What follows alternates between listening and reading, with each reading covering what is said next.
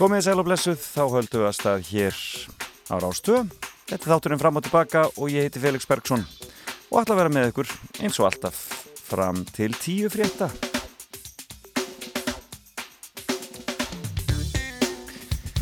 Já, veður eru válind á austanverðu landinu þessa stundina og uh, við hvetjum ykkur til þess að fara varlega hvar sem þið eruð, já svona norðaustan og austanverðu landinu og tegið sér á Suðaustavertlandi líka þannig að eh, já, endilega fariði varlega hvar sem þið eruð og fylgistu vel með veðrinu. Ekkert fara af stað af um, óþarfa um, að óþörfu. Og um, þetta á að standa svona í allan dag fram til miðnættis.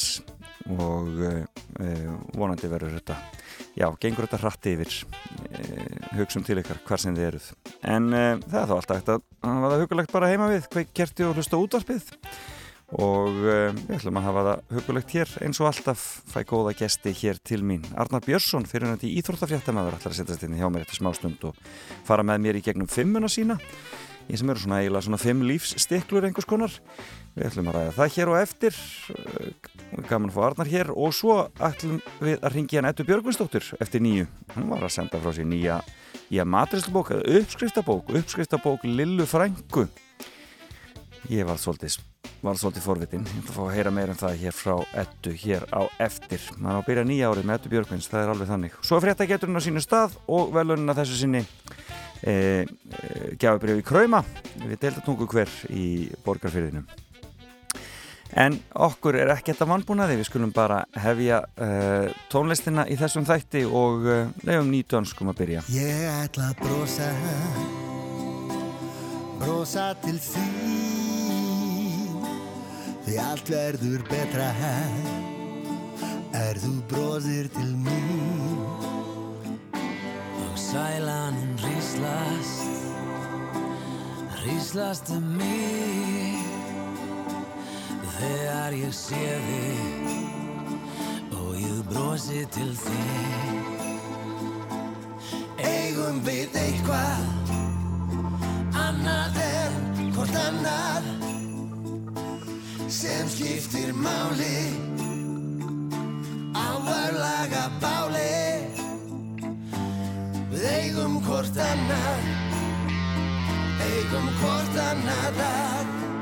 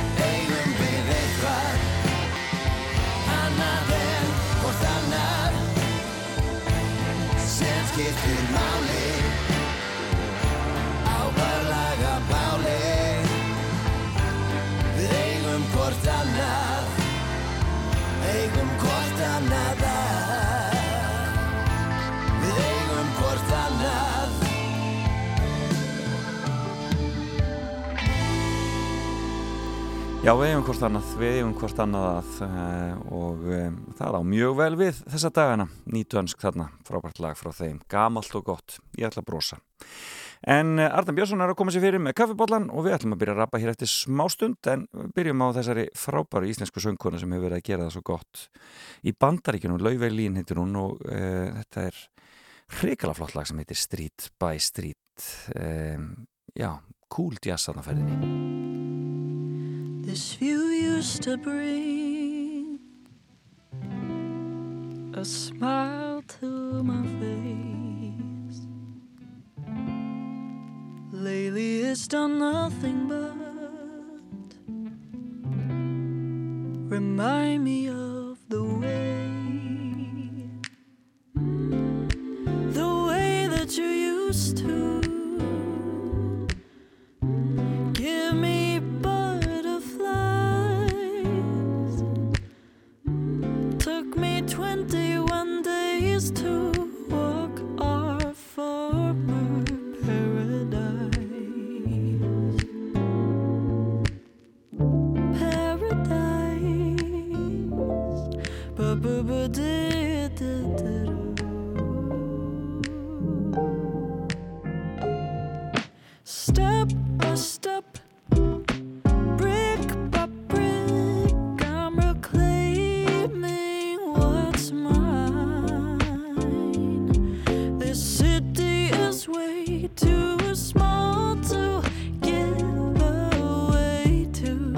podcast.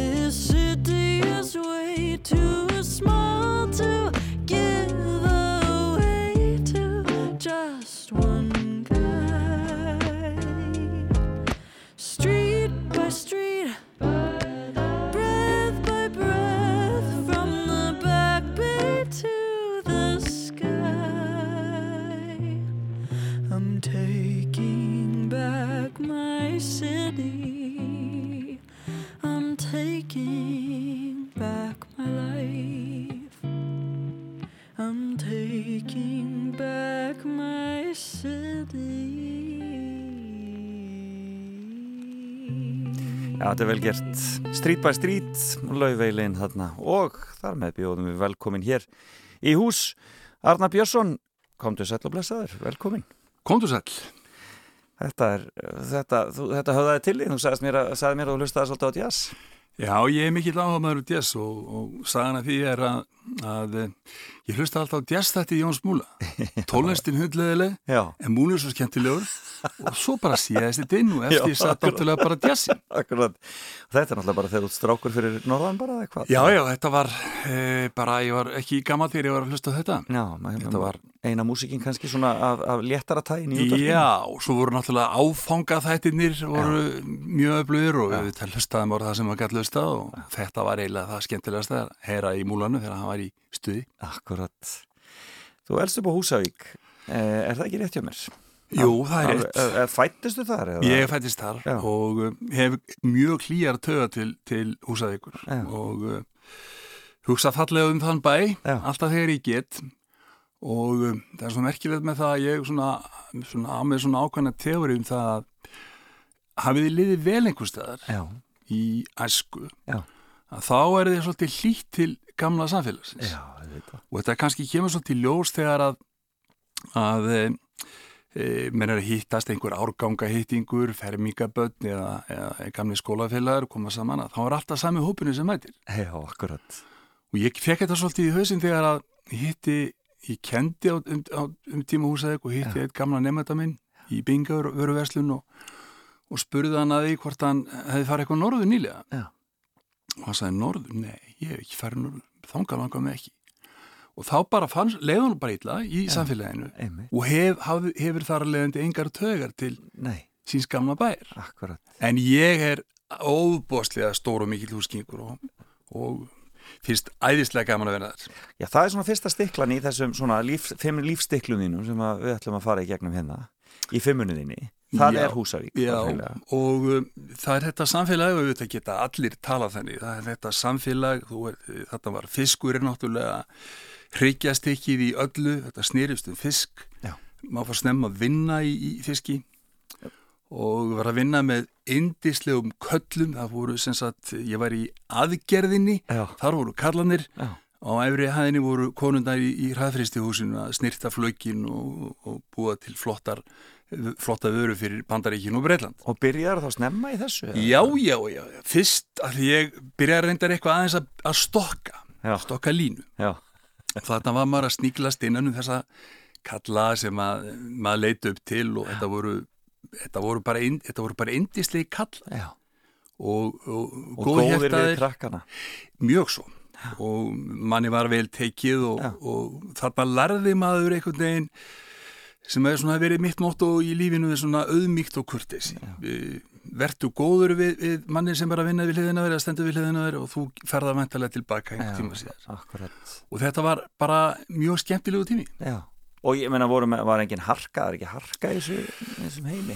Nei, það var stundum kallt Já. það var stundum kallt En menn voru ekki reknir áfram og skammaði Nei, og nei, þarna voru við ég, ég, allt- ég hef sagt það og einhvers staðar skrifað um það á, á Húsavíku síðin og Facebook að, að þarna voru tveir kallar aðal Þorgrímsson og Skúli Jónsson sem að voru verkstjórar mínir og þetta voru menn sem að má vilja segja svona ráku svona félags þjónustu Já. því að, að þarna voru margir í vinnu sem að kannski harðsvíraður kapitalisti myndi ekki ráða af því að hann hafi kannski var eitthvað skertur til vinnu en þarna voru allir jefnir Akkurat. og ég held að ég hef alltaf borið mikla virðingu fyrir þessum mönnum sem að, sem að e, þó að einhvern vantaði í vinnu e, eitt sem að til að mynda mætti ekki vinnu ef að skæin tapaði fótbolta var svo tarður skama en þetta vissum við bara þetta vissum við bara og þetta var bara leiðilegt og svona var þetta Já, algjörlega. En maður skilur þetta ekki. Come on, sko. Já. Já. en fórðar hennar er ekki frá Húsavík eitthvað. Nei, e, Karl fæði mín er grímsæðingur og móðu mín e, skakfyrðingur? Já, og það sem að fyndið er það að þau þau enda síðan á En Hvernig, ná, hvernig ná, ná, ná, sko, komu grímseyingar eitthvað í, í, til, til byggða til þess að ná sér í í konur? sér konur? Já, já, Það það, já, já, það gerðu þeir og, og það sem kannski fyndast að þetta var í, í þessu er það að tveir bræður frá, húsa, nei, frá úr Grímsey Já, náðu í systur úr skæðafrið já, það var bara svoleiðis. Þannig að ég þekk ekki nógu vel hvort þeirra var gerandin í málinu en, en þetta allavega var svona Já, og settist á settist, Settist á Húsavík. En hvernig var með skólagöngu svo leis? Varstu, varstu, námsmaður? Nei, ég var ábyggilega mjög baldinn í, í skóla Já. og baldinn í þeirri merkingu að ég hafði mjög sterka uh, réttlætskend og var uh, ofta reikin úr tíma og ekki fyrir að, ég hef verið neitt uh, vondur heldur bara stóði upp í hárun og kennur Já, og það var þægilegast að losna við nefnda sem að var eitthvað að rífa sig bara fara út góðvinn já, akkurat. og ég man eftir einu atviki að, að, að, að, e, Sigurón Jónasson skólastjóri Já. mikill húsíkingur, og, og frábær karakter hann kendi mér íslensku ég skrefaði ekki dóla vel svo var hann að fara yfir stafsendingaræðingu Já. og gefa mér vittlust fyrir að ég hafi skrifað sem sagt 2N og hann las þetta sem N Já, ég skil. og mér blöskraði og lappaði upp að, að hérna eh, upp að rauslakorfinni og reif verkefni í, í tættur og hendi í Já. hann sagði mér að hérna fara, fá mér sæti Já. taka saman hérna að borðinu og setja hann í tösku og fara út og ég mann það að þetta voru mjög þung spór þegar ég var að labba heim ég labbaði ein, lengstu leið sem ég gatt að því að móðum mér var heima og hún hefði náttúrulega farið að- og spurði náttúrulega strax Já. akkur ertu komin heim, áttu ekki verið í skólanum þetta var á þeim tíma þegar að, þegar að annað fóreldri var heim og þá henni konan nema hvað að, að ég e, styrði síðan upp að skólastjórun hefur ekki mig og móðum ég gekk í málið og þetta listist og þetta var bara Já. skemmtileg saga önnur saga sem að kannski eh, get bætt við líka er að að Ingimundur Jónsson hétt og heitir kennari, hann er enn á lífi mikill öðlingur góður leikari. Og hann var að kenna okkur og var með svona, eh, svona bendiprygg Já, mjög fallet bendiprygg hvít og notað til þess að benda á töfluna. Svo gerist það að, að eh, í löngu fríminútonum þá brotnar priggið og ég var, kom hvergi nær ég var ekki eins og í stofinu þegar þetta gerist ég var náttúrulega með ráðið því eins og, eins og stundum. Ég sagði þegar hann spyr hver hafi brotið priggið þá er réttu við öllu pönd og það ætti að gerist nákvæmlega eins og ég var búin að segja þetta fyrir mér að hann kemur inn frábær leikari mikil dramatík já, og þögnin var alveg óurleg sko og það mátti sko laung, maður mátti heyra í bíl bara á akkurir renn eftir, eftir hörgurbrötinni sko. Nema hvað að þegar hann spyr hver hafði brotið piki? Þá er ég náttúrulega upp hönd það var einu höndi sem var á lofti. Já, akkurat. Og hann saði mér að fara með prikið og koma með það aftur eins og það hefði verið áður en það brotnaði. Ég stóð þetta með tvo bita í höndunum og, og datt ekkert annað í huga en að fara til, til handaminu kennarans, Ólafs Guðmundssonar, mikil snillings, bara upp erindið og hann hló svo mikið, hann var enn að hlæja þegar hann gerði við prikið og það var alveg dásamlegt á eftir því. En að það var frábært. engin misfella. Já, og ég skilaði síðan prikinu. já, svona á að gera þetta. Svo gerist það Hva- einhvern tíma þegar ég var, að, ég var að kenna þarna á, á Húsavík um tíma að einmitt í löngu fríminútunum þar sem mikið svona lætið eru eins og menn munar nú menn loksins fá aðeins að hreyfa sig. Já, já, allt vittlust þá er einn nefnandi sem að er að hend, allar að henda strókleri og hendi strókleri í allar að hitta í félagasir sem satt fyrir fram að kennararborði sá náða að víkja höfðinu til hliðar og strókleri fór beint í hausinn á mér. Já. og í staði fyrir að gera eins og var að gert um mig hunskast út, fara út akkurat. þá labbaði ég bara til hans og sagði þarf ekki að nota strókleri Já. þessi drengur var eins og lamp það sem er eftirliði ekki bara hjá mér heldur líka hjá öðrum Já, kennar það var sjokkið hefur nægt til þess að Já, ég meina það þarf ekki alltaf að beita þessum, þessum gömlu eh, brellum að henda mér um út úr tíma. Nei, nei, Rættu bara málið. Algjörlega. Og, en, en það er svona, þessi virðing hún skiptir líka svo miklu máli sko, það sé búin virðing Já, já, já, allir byrja virðingu hver fyrir öðrum. Heyrðu þetta er svona ítur okkur að næstu stiklu sem eru víkurfréttir. Hvenær ferðu að Víkur blaðið farðu rétt með kallið minn. Víkur blaðið, já, já, já, Sko, ég fyrir síðan í hérna mettskólan á Akureyri og, og var þar í, í frábærum hópi e, stórkostlega skemmtilegum bekk. Mm og ég, mér var hugsað til þess þegar var, það starraðið mig að, að, að hérna, koma hingað að, að unga fólki sem missir að þessu tækifæri þessu æðislega tækifæri að vera á þessum dýnamísku árum í metaskóla, vera að leika sér saman gera hlutina saman. Viðnotta sem verður til ævilöng hún skiptir svo miklu máli að Já. því miður missa margir að þessu tækifæri. Já. Og ég hugur minn stendur hjá þeim eins og það stendur. algjörlega, algjörlega. Nefna ég fyrir Emma og, og, og er þar í, í mjög skemmtilegum hópi og, og brölluðu mikið. Og var það mikið þá húsvíkingar eða bara fólk alls, alls Já, já, fólk alls alls staðar á Já, landinu. ok. og ég verð síðan formaður skólafélagsins og, og, og var, var mikið með leikfélaginu. Ok, og fekk á eh, einum sólarheng fekk ég uh, var ég beðin um að leika með tveimur leikfélagum nú annars vegar í puntila á matta hjá leikfélagi Akureyrar. Óttur Björnsson var þá að, að, að setja það upp. Já, já. Og uh, í valsi eftir Jón Hjartarsson sem að Marja Kristjánsdóttir ætlaði að setja upp fyrir leikvæli húsæk og ég náði, ég gat ekki teki, ég gæti ekki þekst þetta bóð, var, var, var, var gera hana en eh, náðu nú samt sem að vera að leika einu sinni með leikfélagi húsaði ykkur og, og uppfylla þann draum að fara á leiksið. Nefna hvað að mennskólinn er mjög, mjög skemmtilegur og þegar að honum líkur þá uh, fer ég til húsað ykkur að vinna og, og þá uh, ákváðu við þrýr, Jóhannes Sigurnarsson, Kári Arnur Kárásson að stopna blað sem að hét Víkublað Já, einmitt. og uh, það gáfið út í mörg mörg ár og merkilegt að tveir af okkur þremur þetta varð æfistarf tveggja okkar. Jóhannes Sigurnarsson er, er nýhættur, hætti bara um sviðpalitt og ég Einmitt. og þetta spannaði 41 ár, þessi fjölmilna ferill. Já, þetta er bara kringum 1980 sem Þetta er bara 70 1979 sem að blaðið er. Já. Og þetta var rosalega skemmtilegt því að við, við, við, við prentuðu blaðið á lögum í Reykjadal. Þar var maður sem að hétur Runólfur Eilintínusson, mikill snillíkur. Nema hvað að, við, við seldum blaðið fyrst bara í, í, í lausasölu og síðan vildum menn gerast ásköfundur. Og það eru svo margir húsíkingar út um all land, eða þingaengar sem vildu fá blaðið og við vorum að handskrefa utan á Jón Jónsson, Leifs, uh, Götu 16 eða hvað já, þetta blað var. akkurat, já. Þannig að þegar maður fór til Reykjavíkur þá gæti maður maður lappaði um einhverju gött og vissi maður hvar, hver margir að þessum áskundum okkar áttu heim.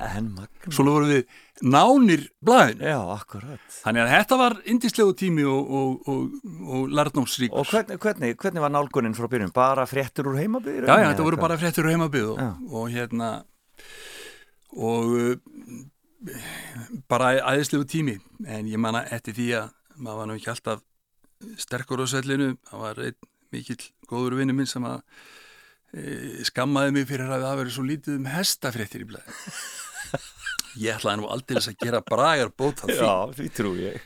Einar Ólason hérna sem að byrjaði sin ljósbyttaraferil Já. á Víkurblæðinu, hann var síðan á DFF og Þjóðulanum og Fréttablaðinu og fleiri blöðum öruglega uh, hann fer og tekur myndir af hestum, flottar myndir. Og ég raði þessu öllu saman saman. En var það á að þetta voru eiginlega bara passamyndir af hestunum Já, og blaðið nýkomið út þegar að Gísli Haraldsson, hestamaður mikill kemur, hann er bara rauður í framann og bara skammar og segir Arnar, þú miskilur þetta alveg. Við hestaminn, við viljum sjá hérna, Alla skepnuna. alla skepnuna. Þættunni skipta öllu máli. Ég larði það þá að, að, að betra betra að leita sér ráða þegar maður fyrir út í þá þessa braut fá menn til þess að en byrjaður þá að skrifa um íþróttir þarna líka? Nei, nei, nei, nei, við skrifum um allt, við skrifum um, um bara um það sem var gerist í bænum en, en á þessum tíma var ég frettaritari þjóðulands þar að segja ég skrif um ennskaboltan Já, Í já, og þá hlustaði maður bara BBC ok. Og þetta var náttúrulega allt annar tíminn í dag. annar- tími, og maður hlustaði á BBC og var með, með stórt gamalt útvarstæki og, Þú og lést ekki senda í blöðin svona þessi, þessi Já, bresku? það þýtti ekki því að þau kom ekki fyrir sko, þau kom bara sko, voru orðin viku gömur fyrir bárust til lands. hvað þá að komast til húsa en ég var með sem sagt með þetta stóra útastæki og með vír upp í þæki til að magna þetta. Og svo hlustaði maður á, á lýsingar og stundu var sambandi slemt þá átti maður séns á að hlusta á korti fyrir sex. Ef að það duði ekki hálf nýju uh, hálf eða kortir ellefu og stundu þurftu maður að býða til sko, þrjú nóttina því að það vantaði einn markaskorar maður heyrði ekki alveg nafni á akkurat. hver hafði skorað þriða en þú varst þó með úsleitin svona nokkuð rétt. Já þau voru nokkuð rétt. Já. En svo, svona var þetta. Þetta var aðeins annað heldur er aðri, það, það var ekki hægt að, að fara bara inn á netið og googla þetta saman. Nei ekki alveg. Ekki alveg þannig Já. En uh, hvað ertu lengi á Víkublaðinu? Sko ég, við erum þarna til 1986 þá hefur Erna Indriðadóttir þá var rak hérna svæðisúttarpið á Akureyri.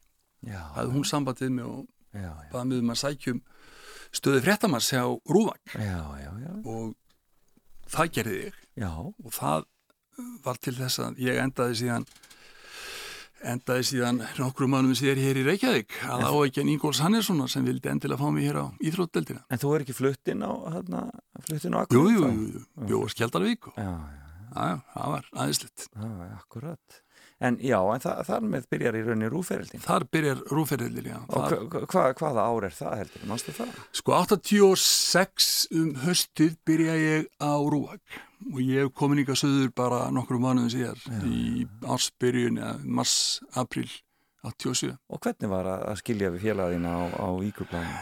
Það var auðvitað, sko, vond ég hafi sagt það í viðtalið í dag að ég ætla aldrei að fara frá húsaðik. Já, Svona höfum maður ég það ímest tónið sig. En e, það var bara, auðvitað bara partur á æfintýri. einmitt. En ég var ekkert á leiðin hinga söður en, en þetta var bara, var bara reyndin og, og hér er ég enn. Og hvernig, varstu komið fjölskyldu þarna og Já, svona? já. Ég ákomið fjölskyldu Kristjana Helgadóttir, kona mín var, við vorum saman á, á húsaðik og fórum svo saman til Akurur og Já. síðan söður. Já. Og uh, þetta var bara gaman. Já. Hér var þetta fullt af góðu fólki að, að eh, vinna og ég man alltaf eftir því þegar að ég var á Ennarúvak, þetta er verið 86. Þá var Ríkisútarp enn á skólagötu Einmitt. og ég var sendur söður í svona, í svo, svona starfsnám og um, eitt lögataskvöldið áttaði mig því að ég var alltaf í hann neitt í húsinu átti bara að sjá um tíu fréttinar og tólf fréttinar og ekkert Já. mál með það Já.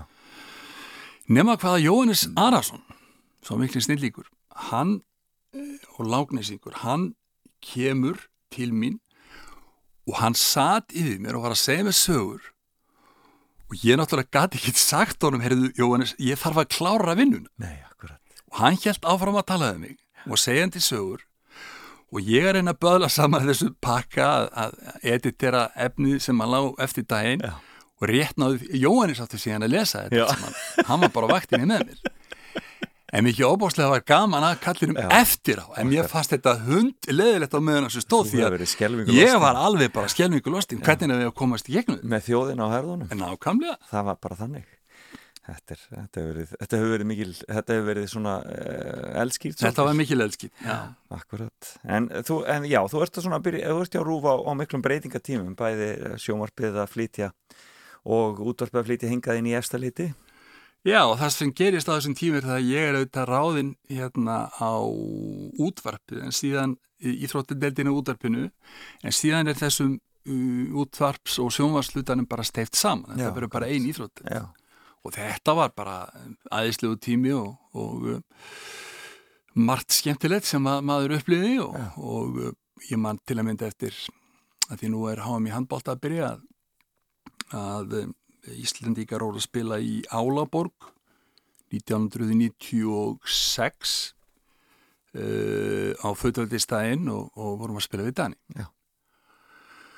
Og HM á Íslandi var hérna 1995 og það er pródusentinn, sá sem að stýrir hérna sjónvarsútsendíkunni, uh, hann hafi verið á Íslandi til þess að stýra hérna leikjum hér Já. uh, og hann uh, pródusera auðvitað sinn leik og síðan gerist ekki annað en það að Íslandingar lenda undir og vinna leikin og stemmingin er alveg glórulus og frábær því að það er einhverjur 150-200 sem búa bara í, í Skandinavi sem mætti á leikin og þessi pródusent hann e, smásamar fer hann að pródusera þetta fyrir þetta var eins og þetta væri Íslandingur að búa til Ísland sjómar En skemmtilegt. og ég nefndi þetta við hann uh, hitt hann síðan einhverju síðar og þá sagði hann bara ég gat ekki annað, stemmingin var ykkar. Þið voru frábærir.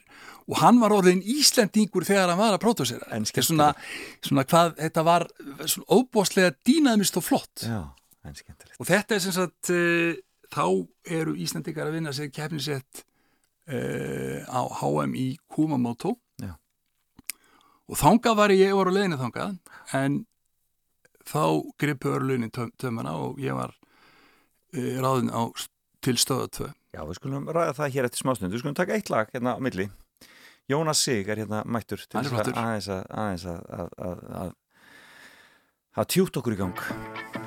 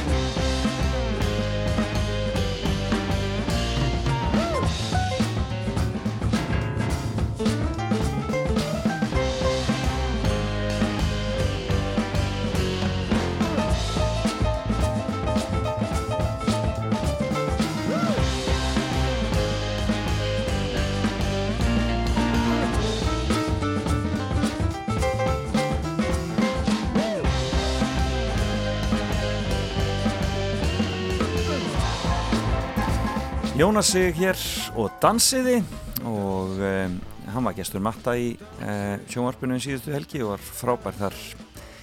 Uh, en gestur minn hér morgunin þennan lögatarsmorgunin er Arnar Björnsson fyrirhandi íþróttafrétta maður sem situr hér á mér og sötur að kaffið sitt. Og við erum farið gegnum fimmuna hans sem er svona fimm lífsstiklur eiginlega. Við erum búin með Húsavík og Víkurblaðið sem ég var svo uh, dónalegur að kalla Víkurfréttir sem er náttúrulega er, er annað, allt annað blað Ég er eftir um að Pátt Kittur sem verður hjónað með þarna. Svo var það Rúf árin eh, sem að urðu eh, rúmlega tíu Já, urðu allefu Og ég var, e, að því að við erum hér í efstalitinu að, að, að e, ég var sem sagt, fekk tilbúðum að fara á stöð 2 og hafnaði því og ætlaði ekkert að fara. Já. Þetta Svo- er 96 eða Þetta er 97 Já, 97 og síðan þegar að ég er svona eiginlega komin á þá skoðuna endaði með því að ég sagði bara já ok, ég kem. Að Ingór Hannesson sem þá var eðumaður mér hérna í þrótteldinni sá mikli snillingur Já, hann satt hérna með mér niður í bílakjallara já, í rúma klukkutíma sem var að fara yfir kostina og gallana við að fara. Það var bara töflufundur. Það var bara töflufundur og fór yfir þetta frá, myndum, en það sem að satt svo í mér var það að ég átti svona marga góða vini í þessu húsi. Já, og, og uh, ekki fréttaminnina kannski því að þeir voru, þú veist nú hvernig það er já, sko, menn geta verið að já, já, svona, en það bara voru hérna fólk á símanum Akkurat uh, í mötunitinu og fullt af fólki hérna sem mér bara fann svo vænt um. Já, og mér fannst einhvern veginn vera bregðast já algjörlega. Ætlar að bara að della. Nefna hvað ég ákvað síðan að fara og, og, og hérna og uh, þar leindi var náttúrulega fór ég ekki til Kumamoto á, á heimsbeistaramóti en, en við tók uh, 23 ára uh, starfsferill á stöð 2 Og það er nú heilmikil uppbygging sem er að eiga sér stað í raunni allan þann tíma. Heldur betur. Já. og það er auðvitað kynntismæður það sem að uh, mér fannst uh, mest töfrand til að byrja með það, það var stöð 2 upp á Krókálsi Akkurat. Og munurinn á rúf og stöð 2 byrti svolítið í því að, að uppi á Krókálsi var stort stúdíó það sem að uh, fréttirna voru og, og síðan kom bara smá stikla og þá er myndavölun snúið við út í hotn og það er Ísland í dag. Já. Og það er bara ein myndstjórn, það er bara ein áhöfn. Já. uh, skömmu áður hafði ég verið nýr á löfi þar sem að fréttirna voru á fjóruðu hæðinni með atrið þeirri áhöfn sem að þurfti. Svo kom dagamála þátturinn sendur út á, á hérna annara hefði Já, akkurat. Þar kom nýja áhöfn. Þannig að mér fannst þetta að vera sko bara eins og heimin og haf. Já. Síðan auðvitað gerist það í, á þessum árum er það stöð tvö verður raun og veru svona kannski svona stopnunaleg eins og rúf Já, akkurat. Þungi vöðum og þannig laga ég minna á ákveðnum tímabil Akkurat. En, en stöðugt að breytast stöðug uh, Já, heldur betur. Þú veist, það var, það var bara já, já, já, já það breytist árlega einhvern veginn. Það var alltaf, ekki, alltaf allt í öfnum. En, en, en, en þú helst alltaf þínu einhvern veginn og, og, og, og, og þessi íþróttafrétta þessi íþróttadeild.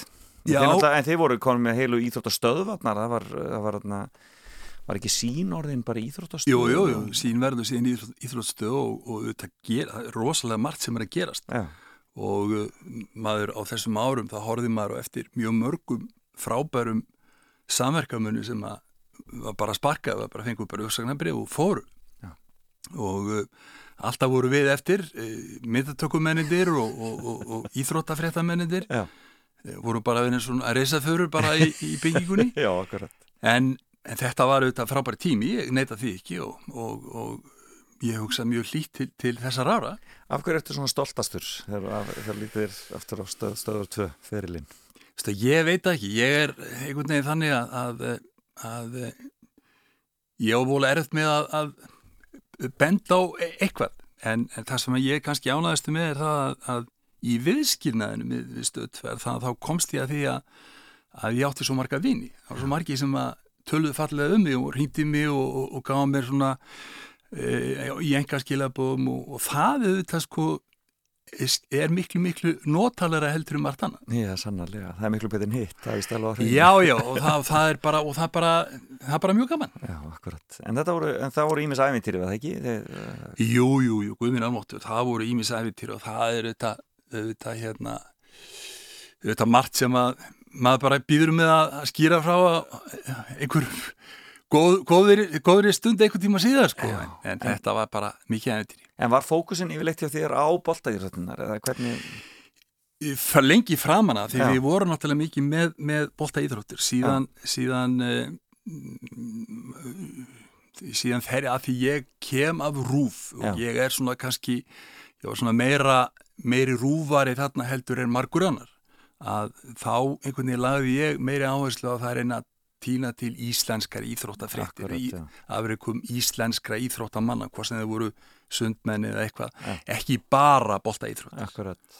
og, og því að, að, að auðvitað er eh, lágu oft undir þeirri gaggrínu við værum bara boltasjónvar Já, sem að kannski var ekkit óvalið því þetta var áskrift á sjónvarp og þetta var bara varan sem að var, við vorum að, að, að íta að fólki En þeir eru svolítið svona brautriðendur í til næmis í samvættu kvennasportið og ég menna kvennafóboltan þið, þið, þið, þið Já, gangið já. undan með góðu fórtami þar sko. Já, já, já, það eru auðvitað margt sem að ég ætla nú ekki að fara að setja legg, þú mátt ekki plata mig þarna, ég ætla ekki að fara í eitthvað dómarasetti, Nei. ég menna við gerðum fullt af fínu hlutum og hefðum svo satt geta gert einhverju hluti betur Akkurat þú veiðum ekki þarna Nei, sko. nei, nei, ég, ég bara, þetta er Já, bara, já. bara að heyra hvað, hvað, hvað það var en, en, en, en þetta, en hvernig var svo tilfinningin þegar skyndilega þú geði grein fyrir þetta búið?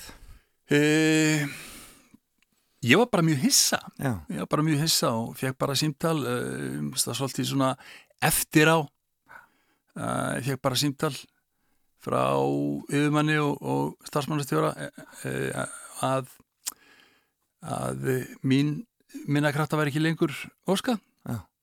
og þetta var náttúrulega í COVID þannig að þetta var ekki ég var ekki á fundi, þetta var bara sími og uh, ég var bara hissa og og er það í raun og veru enn en, en ég meina það er bara þannig ég meina það er ég eh, er ekki að vorkenna sjálfum mér það eru aðri sem að það hafa miklu miklu verið en ég þannig að ég er ekki að síta það, þetta er bara, bara ákvörðin sem var tekin en, en hún komir á vart já, já já, Já, En þá komum við að fymtu stiklunni, hvernig er lífið eftir, eftir lífið á fjölmjölunum?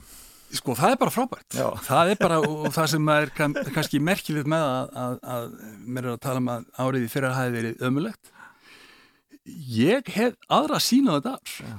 og uh, þetta eru allavega gert það að verkum að, að ég sé fullt af tækifærum í lífinu. Ég, ég er sem sagt, það sem gerðist e, var það að ég var kom með gólbaktíru, fekk gólsettir, ég var 50 og ég hugsaði með, nei, ég er ekki að fara í golf. Látið mig í friði.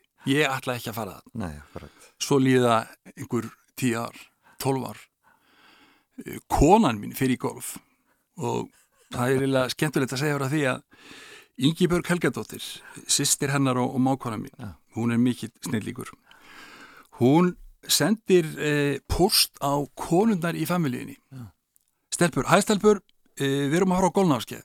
Ég er búin að redda kennara því að mæta og síðan gefur um staðastund. Og kona mér hugsaði með sér, halló, er þetta nú enn eitt gítarnámskeið? Já. Er þetta enn eitt bullið, sko, sem það er að láta plata sig?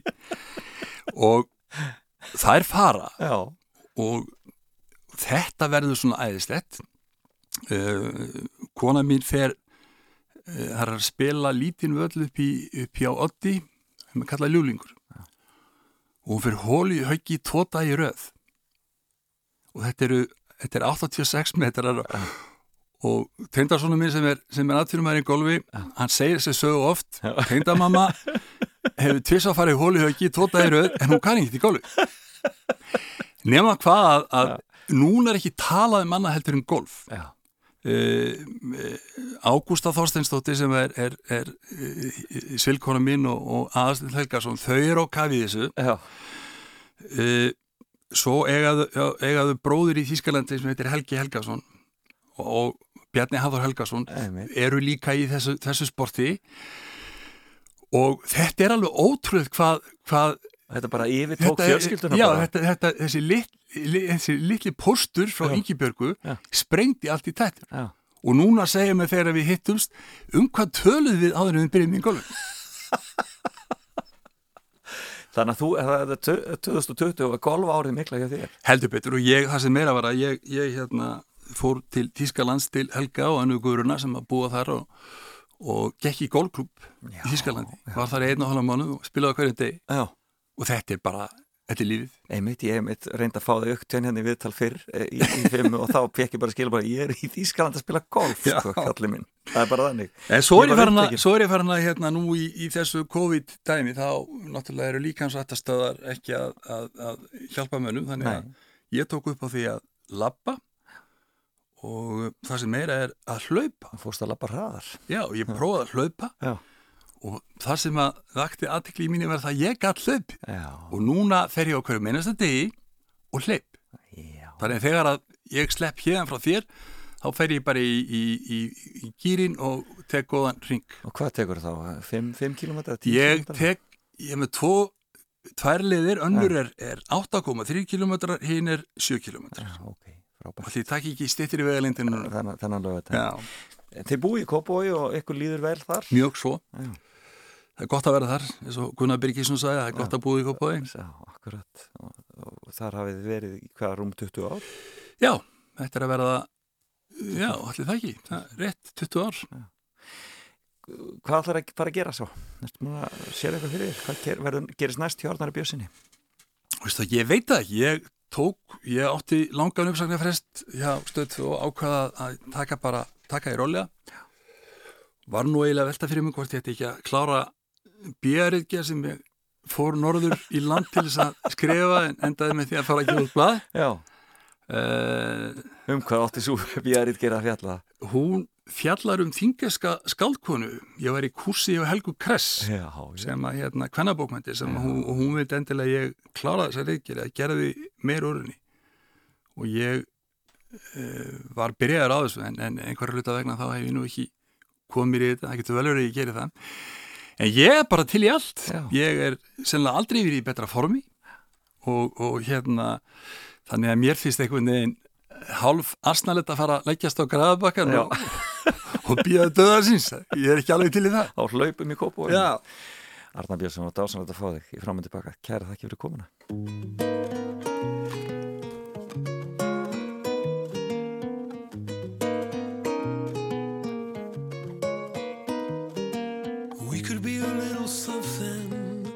be everything you wanted. I could bring you real comfort, give you a break from loving. I'm trying more than just a little. I wanna meet you in the middle. Reading you is like a riddle.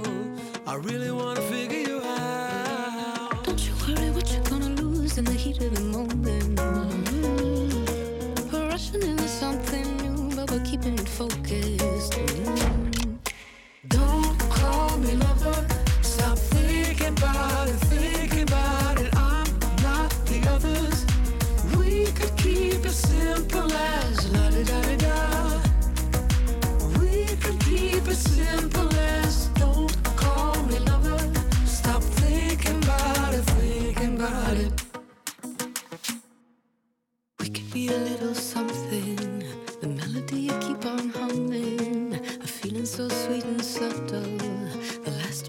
your puzzle. I know you're gonna feel like running.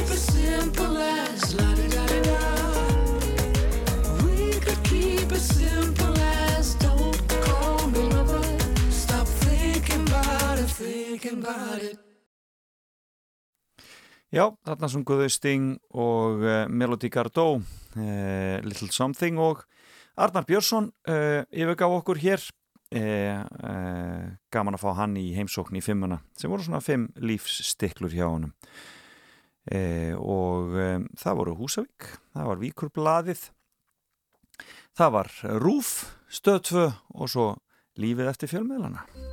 Velkomin á Fætur, fram og tilbaka á Rástfö. En hér eftir nýju þá ætlum við að ringja Jættu Björgvinsdóttur og gera ýmislegt annað skemmtilegt e og ætlum líka að fara í fyrirtiketrun.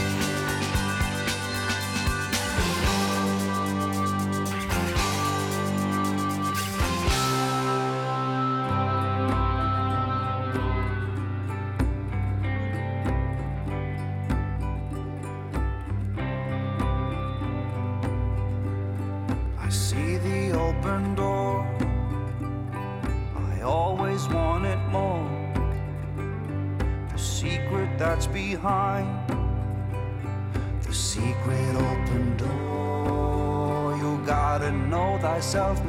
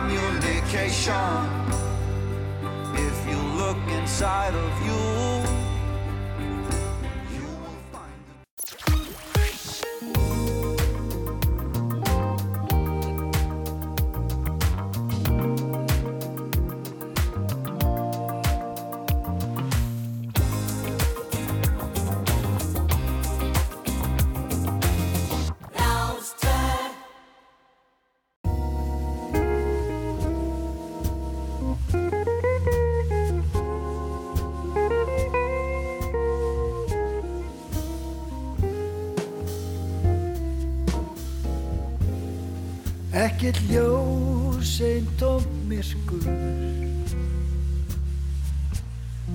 Aðeins strungi ofta Farin burt minn fyrir styrkur. Finn ekki agnar að Finn hvorki frið né gleði.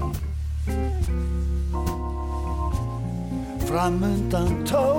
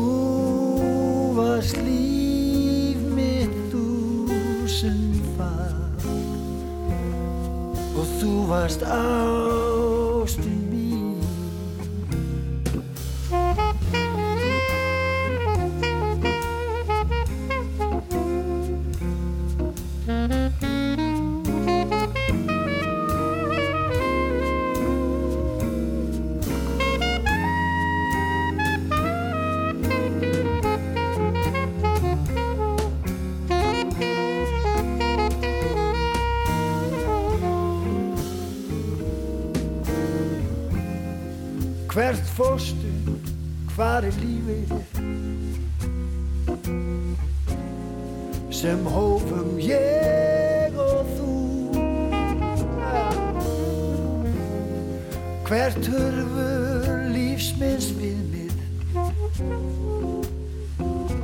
Heimsmyndar brunnin brú. Hvar fannstu grasi græna Gleði og nýja sín Um hann þér þykir væna Þú ert víst betra mín Þú varst eitt og þú varst allt. Þú varst sólar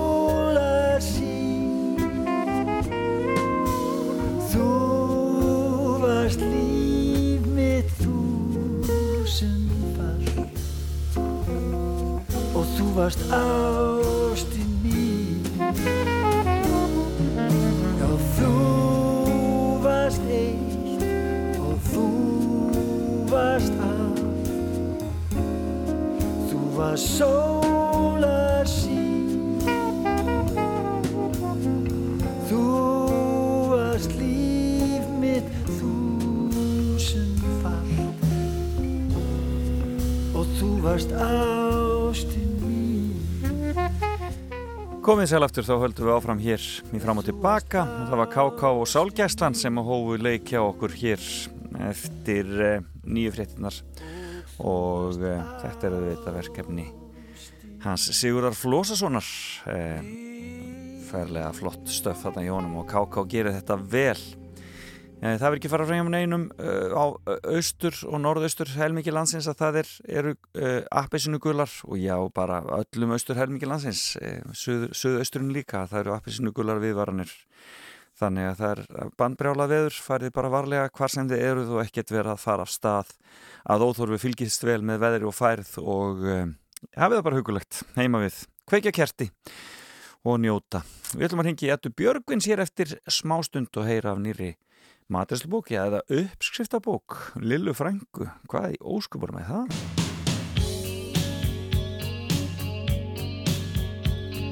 Og hlust á tónlist. Og svo er fréttageturinn framöndan líka. Hún verður hér um hálf og þá getur þið ringt og reynt að vinna ykkur inn. Gjafabrjöf í kræma Every time I think of you,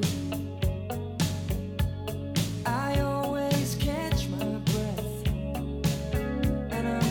standing here, and you're miles away.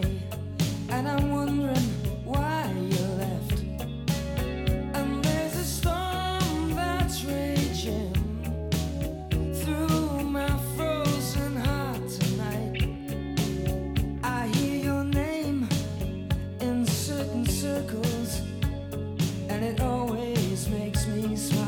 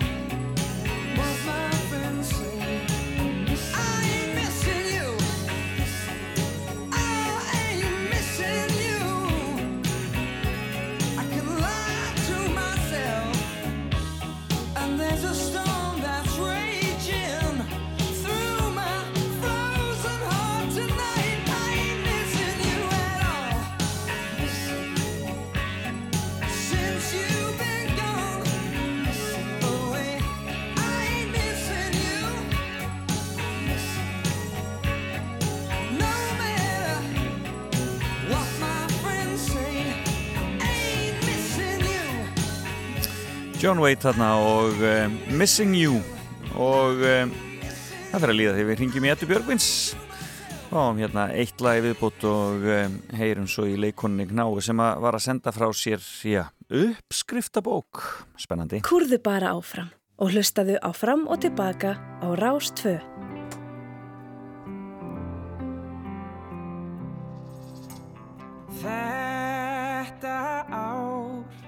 var algjör viður stið en söguleg tilvist þess er því miður trið. Þó mér langi mest að gefa því smá frí er ég enn föst í því Þetta fer að verða búið Nú er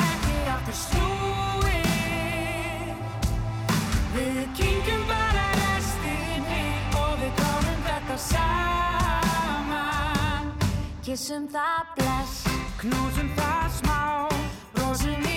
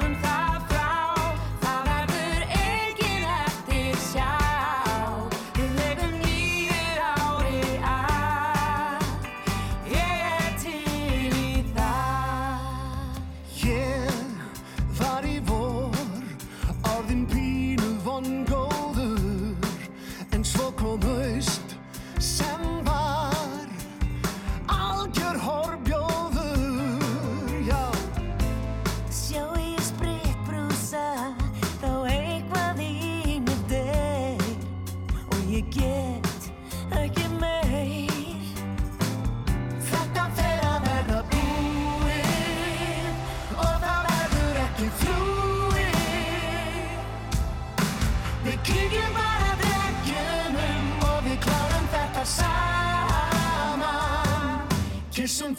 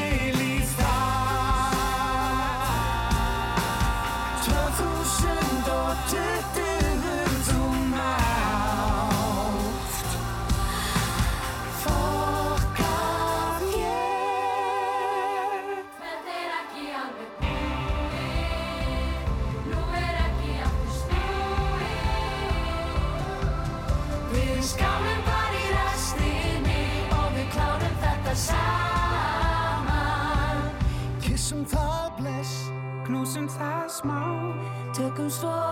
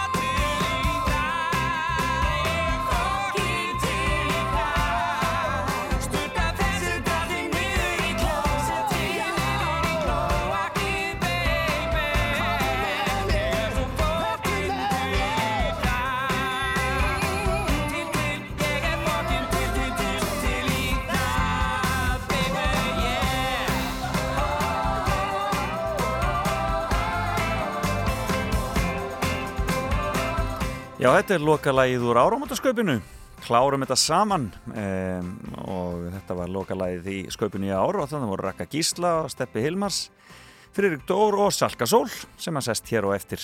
Þegar þessum þætti líkur þá tekur hún hér við klukkan tíu.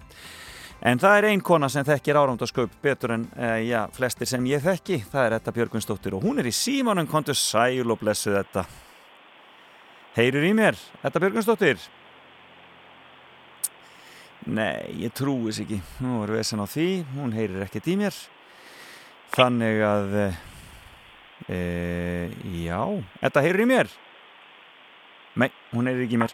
Þannig að við skulum fá hér auðlýsingar Ég ætla að hringja í öllu öðrum síma á meðan við hlustum á smá auðlýsingartíma Fram og tilbaka á Rástfö. Já, og það er margt sem getur gerst í beinni útsendingu til dæmis að síminn klikki en við skulum vona þetta gangi núna. Edda mín heyrir í mér Ég heyri í þér, heyrir þú í mér? Ég heyri í þér, en hvað það er dásamlegt Heyrðu Góðan dag, Góðan minn og dag. gleðilegt ár. Já, gleðilegt árið Heyrðu, ég var að segja, sko, við hlustuðum hana lægið úr, úr áramótasköpunu Já, þú, þú þekki nú sköpin betur en flestir sem ég þekki ég þekki ansi mörg. Já, en var, var, var alltaf svona lokalag í áramótasköpum? Eða er Já. það eitthvað svona, er þetta eitthvað nýtilkomið? Það sko, það var allavega í öllum þeim skaupum sem, að- sem að ég tók þátt. Já, það var Þá alltaf var svona eitthvað ákveðið lokalag. einhver svona tónlistaratrið í Já, lokalista ég man að þetta eina skaup sem ég fekk að leikstýra, Já. þá fekk ég Silvíu Nótt til þess að flytja lokalagið.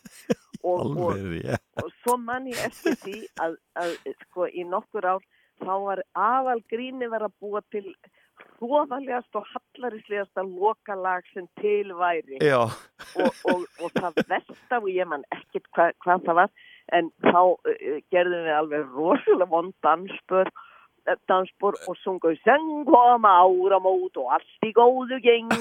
Ég held að þetta hefði verið allra verst ég held þetta hefði verið botnin og með fullri virðingu í þessu afsökunar þetta ef- hef, aldrei verið spilað á rástöður aldrei, Nei, aldrei svo var nefnilega, svo kom svo mikið smetnaður í þetta. Já, akkurat. Svona þetta líka var þarna 80 bara eitthvað sko sem að þetta var. Alveg helstu tónlistamenn þjóðarnar eru dregnir inn í þetta alveg svo leið Já, já, já, já. aðal fólkið sko.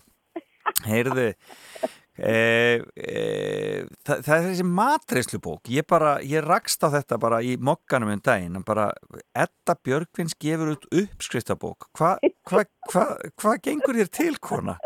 Hva, hvað er þetta eiginlega? Það er náttúrulega það, fólk hlær hrossa hlátri sko þegar, þegar ég er spyrt saman við eitthvað tengt matrisli því ég er hræðileg í eldúsinu ég trúi því nú ekki. Það er bara veist að ég get svarið að það er einstakar réttir sem klikka Ha. ekki alltaf hjá mér. Það er að segja þeir hefna stundum. En yfirleitt 90% brenni ég eða eyðilegg eða einhvern veginn uppskriftirna bara fara í handaskólinn. Þannig að skapandi uh, hæfileika mínir eru hvað minnstir svo ég ætlum ekki að vera neitt orðljóti minn garð Já, þeir eru hvað minnstir þarna. Þessi styrkleiki minn er mjög neðanlega ég skil þig, ég skil þig. En þessi, en þessi er tengd frænguðinni þetta er nefnilega, hún er svo skemmtileg, hún er eiginlega bara hún er eiginlega bara svolítið grín finnst mér þessi bók að þegar að viðar frændi minn í Ameríku Já, sendi mér, al, hún var sko í tætlum, gamla uppskriftabókin hennar Lillu frængu já. Lilla frænga og nonni frændu voru semst ættingjar okkar í Ameríku og nonni bróði pappa Já, eða svona þetta er aðeins lengri saga en það má nú lesa um hann í fornálanum. Það- þetta er skemmtilegu flóknu fjölskyldu tengst en ég ákvað bara þannig að þetta er ekkit höfundaverk ég bara lappaði á milli útgefenda og segi er þið til í þetta? Þetta getur orðið rosalega skemmtilegt. Ef hún verður nákvæmlega eins þar að segja blettóttu slitnu blaðsíðunar handskrifaðar uppskriftir eftir Lillu sjálfa og að nota bókina alveg eins og hún kemur fyrir. Og það forlægið hoppaði til og það var rosalega gaman því að svo fenguður alveg svakalega skemmtilegan útlits hönnu Já, til þess að sko, til þess að gera hana bara að einhverju listaverki. Veist, fyrir var hún óskaplega skemmtileg en núna er hún bara, það er svo mikið gleði og ánægja af flettinni og svo er þetta náttúrulega uppskrifti sem eru svo rosalega sko, það er það svo mikið gleði bara í titlunum Þetta er bara stórkostlegt, fiskfars hérna og fiskirringum með tomatsósu, þetta er náttúrulega bara eitthvað sem að mann eftir úr æsku sinni, skiluru? ná, hvað er bóndakona með blæju og, og, og e, e, kraftsúpa með kálmeti, e, brúnsúpa með svölusegð Já, með svölurheyðinu, það er Já. alveg stórkostlegt. Þetta er náttúrulega, já, og, Vásamlegt. þannig að ég vissum að margir líka bara glæðist yfir því að fá bara svona þessar gömlu kóðu uppskriftir. Hvar, hvar var, var Lilla Frænka á húsmæraskóla? Já, hún var á húsmæraskóla á Ísafyrði og það var sko bara, eh, árið eh, sem sagt 45 til 46 Já, já, já, já. Þar var og, og, og Lilla hétt sko Margrét Anna Eliasdóttir alltaf köllu Lilla Lilla og var svo óstjórnlega hún var svo skemmtileg hún Lilla Já. og nett einhvern veginn ég manna að lengstum tímanum eddi ég hennu, þau komu nú sí- síðar í ár oftar til Íslands Já. en svona lengsta tímbil sem ég fekk henni, það var alveg hitt mánuð þegar við mamma voru þar leiðin að heimsækja pappa en stoppum í mánuð hjá Lill og Nonni með Milwaukee Já, hún Og- bjóð í Ameríku, já. Já, hún bjó í Ameríku allar til flutti bara e, 53 með tvo stráka því að nonni hafði farið að læra prentmyndagerð og það voru eiginlega einhver atvinnumöguleika. Hann, hann var komin bara eh, inn í framtíðin og var á undan sinni samtíð. Þannig að möguleikinu voru miklu meir í Ameríku og pakkar niður bara drengjónum tveim og þú getur nú ímyndað hvernig þetta hefur verið á þessum ára. Þetta hefur ekki verið sko dans á rósum. Nei, nei.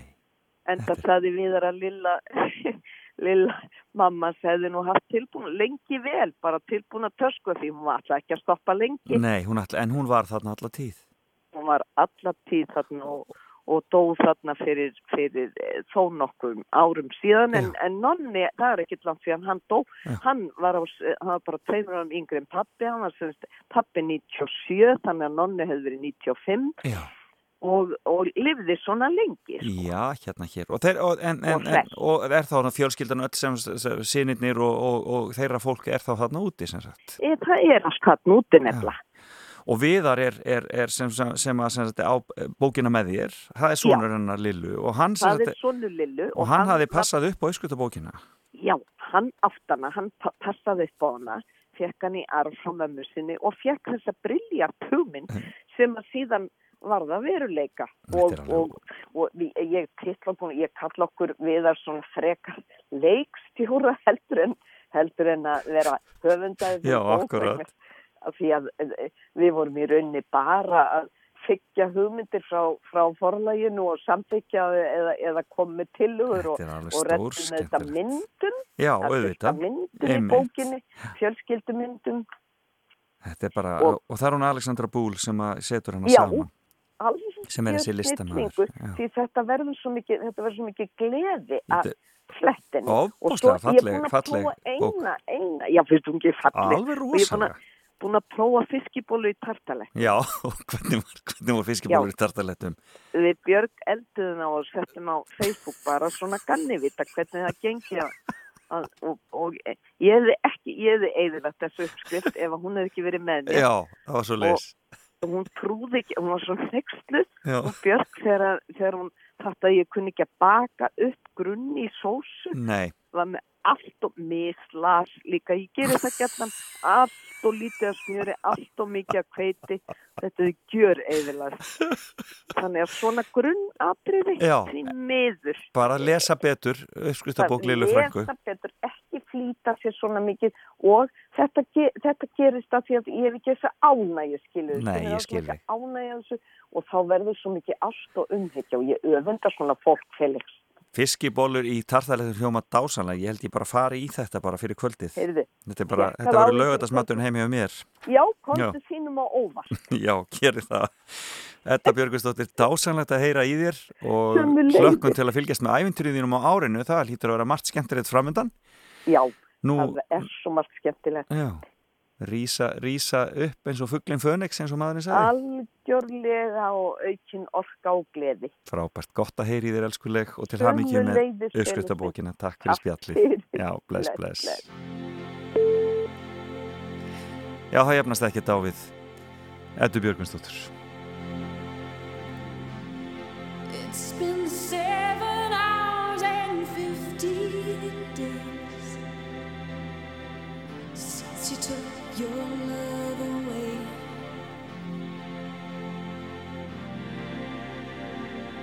I go out every night and sleep all day since you took your love away.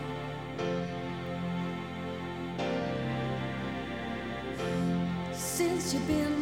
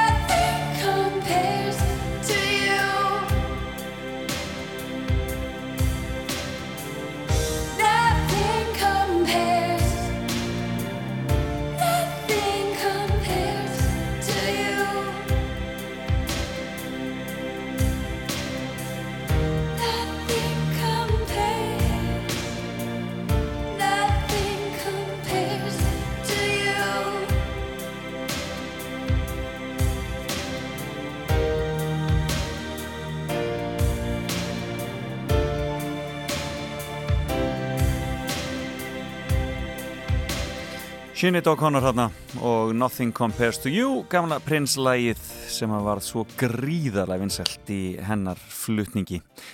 Eitthvað tíman á nýjunda áratögnum en eigum við ekki að fara að skella okkur í fréttageturinn? Rástvö Fyrst og fremst. Símin 5687123 5687123 þið meði byrja að ringja núna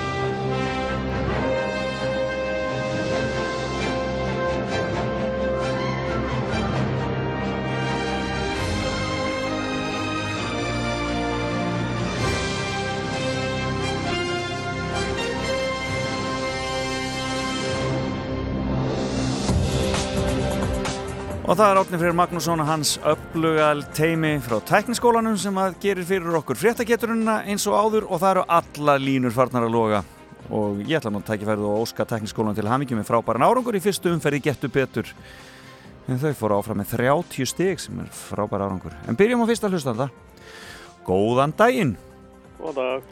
Sætt og bless, hvaðan ert þú að ringja? Ég er að ríkja úr bregðarslöginni. Úr, úr breyðarslöginni bara, já. Eh, vonandi ekki onni. Nei, ég Nei. bara segi fólki að fara á línunni, sko. Já. Gott að heyra. Heyrðu, við skulum byrja þetta bara. er- Fylgjastu vel með fréttunum? Ekki, nei. Ekki nóg, en við skulum heyra hvort ert með þetta samt. Það er svona, það er ímislega sem er búið að ganga á þessa vikuna. En í vikunum varð heilmikill sóðaskapur á Akranesi. Hvað í ósköpuna gerðist? Það hérna, ringdi sementi. Já, vissur hvernig það gerðist? Það spýttist út úr einhverju tank. Já, akkurat, það var svona yfirfull síló. Einmitt. Heyrðu, þetta er rétt hjá þér. Það var, er sementsbærin stóð undir nafni. Það verður ekki annað sagt. Þannig að þetta var rétt hjá þér, þannig að þú eitthvað vissir nú, sko. Ha. En þá spyrir hvort þú veist þetta. Í vikunni bárist fréttir af því að dýrategund einu væri að hverfa sporlaust í Danmörku. Hvaða dýrategund er það? Sem er að hverfa í Danmörku? Mingur. Já, hann hvar nú Nei, þetta var ekki mingurinn sem var að vera að spyrja um hérna Það er einhver, einhver, einhver svona aðeins viltari einhver viltari tegund En kæra þakki fyrir að ringja Það ekki. Takk, já, bless, bless. Nei, hann var ekki með þetta Vitið þið þetta? Góðan dag Góðan dag Nei, þessi vissið ekki Góðan daginn Góðan daginn. Veist þú hvaða dýrategund er að hverfa í Danmörku? Dýra tegundir að hverfa í dam... Já, sem, svona, sem er svona, já, svona vilt, vilt, vilt dýr. Það var það í tengingu við þetta mannskorfana. Nei, nei, þetta er bara, held ég bara að þetta snýst aðal um það að að eh, að eh, þeir séu bara að að þetta, þessi dýrategund séu að degi út bara hreinlega Já, býtu, ég... Það var ekki minkarnir eða? Nei, Ég er alveg að vera vera fótt í þessu. sko. já, þú er alltaf ekki skjóta Það eru viltir hundar eða? Nei, þú ert ansið nálægt í en það er ekki rétt Það hjá eru þér. viltir kettir. Nei Nei, ekki rétt, takk fyrir að ringja. Takk fyrir að ringja Nei, þetta semast, já, en fréttin er semast að, að, að tíu dýr af þessari dýrategund hafi horfið sporlaust í Danmörku, það er fréttin og ég er að spyrja hvaða dýrategund þetta er. Og við skulum heyra næsta. Góðan dag. Hvaða, góðan dag, heyrur í mér? Já. Sælumlegs, veist þú hvaða dýrategund þetta er sem að hefur verið að hverfa sporlaust í Danmörku? Er það nokkuð úlfar? Já, það eru úlfar Það eru úlfar. uh, Þarna Það er ykkur dýragarðar eða? In, já, nei, sko, en, sko þetta, þetta er nú svolítið flókin frétt greinlega sko, en sem sagt á árabilinu 2012 til 2020 hurfu tíu úlfar sporlaust í Danmarku sem sagt, og þeir eru að koma frá þeir eru að koma frá Þýskalandi sko þannig að þeir Já. fara örglega bara þarna á milli einhvern veginn, en þeir hverfa og það skilur þetta enginn þarna. En þú ert með þetta rétt, hvaðan eftir að ringja? Ég ringir ekki. Þú ringir Reykjavík og þá er það næsta spurning fyrir Reykjavíkingin Vegna áhlaups stuðningsmanna Trump á þinghúsi í bandaríkjónum var fórseti fulltrúadeildar mikið í fréttunum, fulltrúadeildar þingsins. En hvað heitir viðkomandi? Fórseti Er það fulltrú. ekki Nancy Pelosi eða? Það er hár rétt hjá þér. Það er Nancy Pelosi sem er fulltrúin, sem er þarna fórseti fulltrúadeildar þingsins. Heyrðu, þá ertu komið tvö rétt og nú er spurning hvort hún er að klára þetta hér. Þegar ég spurði þig, í vikunni sagði Dan Eliasson forstjóri almannavarna Svíþjóðar af sér. Hvers vegna í óskupuna sagði Dan Eliasson af sér? Hann fór í frí. Já. Ég held að hafa verið til Tenerife. Já, hann fóð minnstakosti til Kanari, það er minnstakosti það sem, ja, það sem hann vita, en, en ég gefði rétt fyrir þetta því að hann fór semst í frí til Kanari og það var búið að byggja fólki svíþjóð sérstaklega um að fara ekki ónöðslega ferðalög. Já. Þannig að það, þetta var bara hár rétt hjá þér. Um, þetta er alveg ótrúlega að, heyra þessar fréttir frá Svíþjóð stjórnmálamenn og aðrir bara virðast ekki geta farið eftir reglum sem þeir eru að setja á öðrum Nei, nokkulega. með ólíkindum. Eftir höfðunum dansa lifið. Já, og enda vandraðin eftir því það er allt vittlust bara, það er ræðilegt ástand Heyrðan, hvað heitir maðurinn? Davíð Jónsson. Davíð Jónsson og þú ert hér í Reykjavík Já. Má ekki bara byggja þig að renna við hjá okkur í efstaleitinu og sækja gafabrefið þitt í kræma. Jú, bara geggjað. Kærar þakkir. Takk fyrir að Takk taka þátt. Já, takk fyrir. Bless, bless. Já, þú bæ. Og þakk ykkur öllum sem tóku þátt í fréttageturinn í dag. Hún verður að sjálfsögðu hér aftur eftir viku. En um, ég mér var hugsað til Berlínan um daginn og þá reyðast upp fyrir mér að U2 hafðu komið þar við og gert plötu og tekið upp meðal annars þetta lag. Is it getting better? Or do you feel the same? Will it make it easier on you now? You got someone to blame. You said one love, one life. When it's one need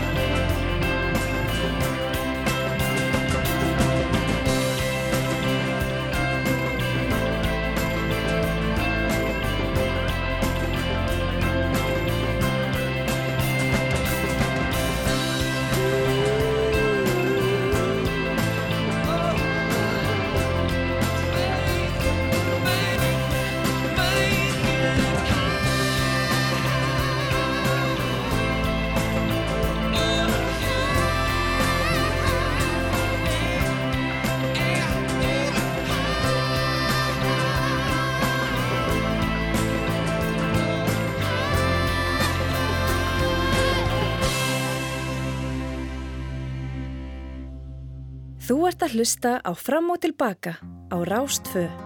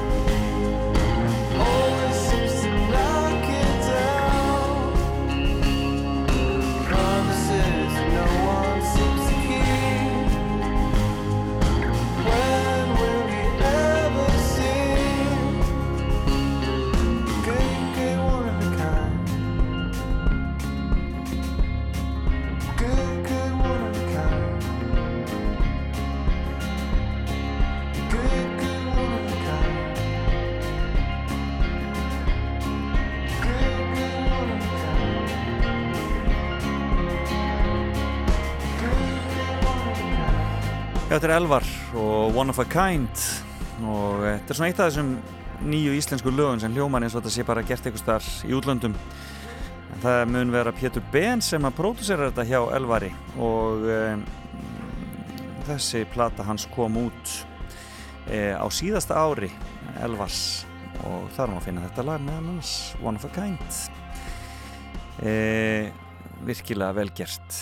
En e, það var hann e, það var hann Davíð Jónsson sem að tók fréttageturina hjá okkur þessa vikuna og um, það er alltaf gaman að að, eh, að e, vera með okkur í fréttageturinn. Það er ótrúlega margt sem gengur á í, í hverju viku og svona þegar maður fyrir að líta yfir þetta eftir árið þá sér maður svolítið hvað gerðist á árinu í gegnum fréttagetunina og það var svolítið gaman að fara í gegnum árið 2020 í gegnum fréttagetuninu þegar þegar því lauk. Uh, það var nú ótrúlega margt annað sem gerðist heldur en bara COVID þegar öllu var á botni kvöld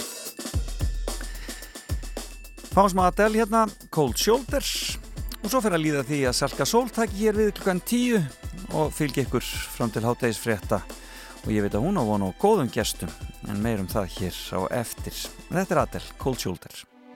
You say it's all in my head, the things I think just don't make sense.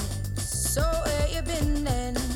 Don't go all coy, don't turn it around on me like it's my fault.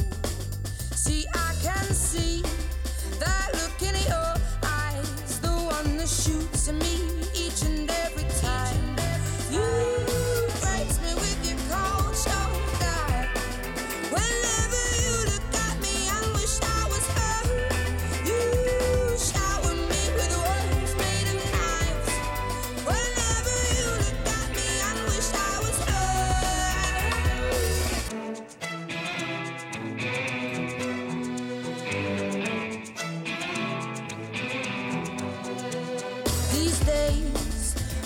I see you, you make it look like I'm see-through. Do tell me why you waste our time when your heart ain't in it and you're not satisfied.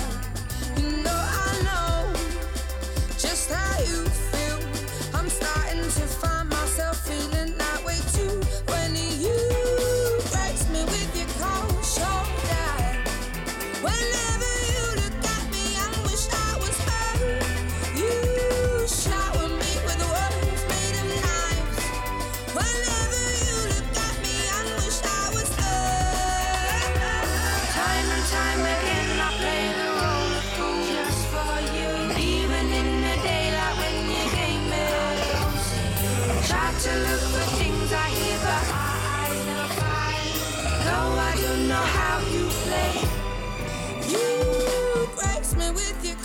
show.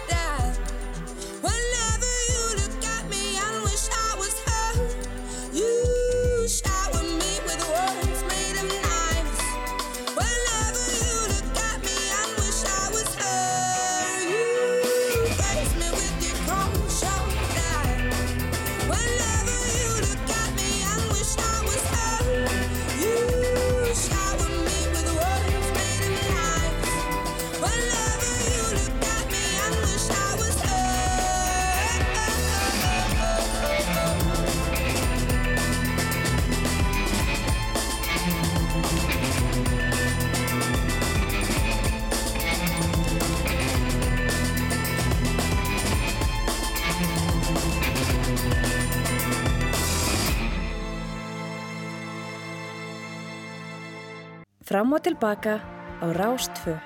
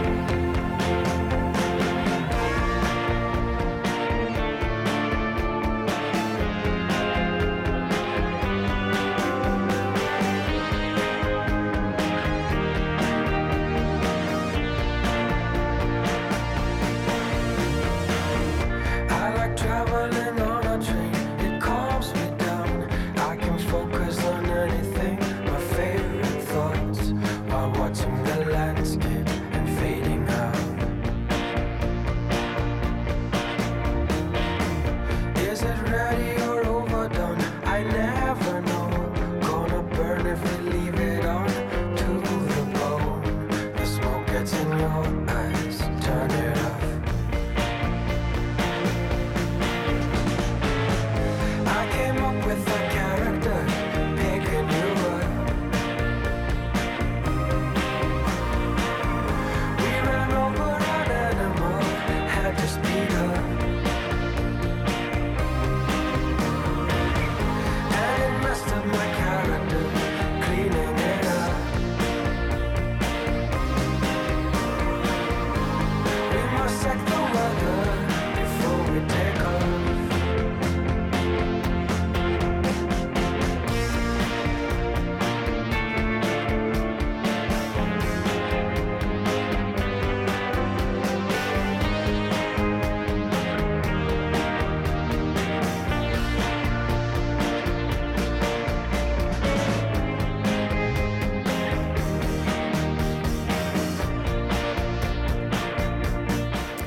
Þannig hljómaði það, Tenderloin var það og hljómsendin Tilbury, eitt af þessum góðu íslensku.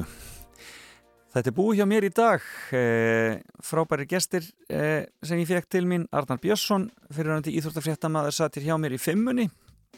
Og eh, það var gaman að fara með honum í gegnum þetta hjá honum, þetta voru svona fimm lífstiklur eiginlega, hann talaði um Húsavík, það sem hann er fættur á uppalinn Svo Víkurblæði sem hann stopnaði á samt félögum sínum árið 1979, hann fjall talaði um árin á Rúf en hér byrjaði hann að vinna árið 1986 og hann til 1997 þegar hann fór yfir á stöð 2 sem var næsta umfjallunarefni og svo var það lífið eftir fjölmiluna og hann er komin að kafi golfið og hlaupin.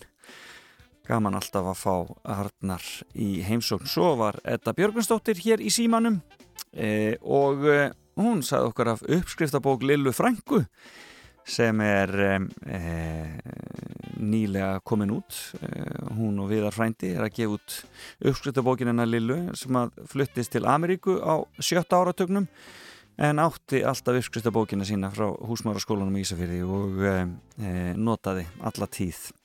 Var alltaf með pakkaði tösku tilbúin að flytja heim aftur en það fóð nú aldrei svo. Og um, þetta er dásanlega falli útgáfa og alveg hægt að mæla með henni e, og alltaf gaman að heyri ettu og svo fórum við í fréttageturinn hér og e, það var Davíð Jónsson sem tók e, gjafabrifið að þessu sinni í Krauma. Og við töluðum aðeins um veðrið.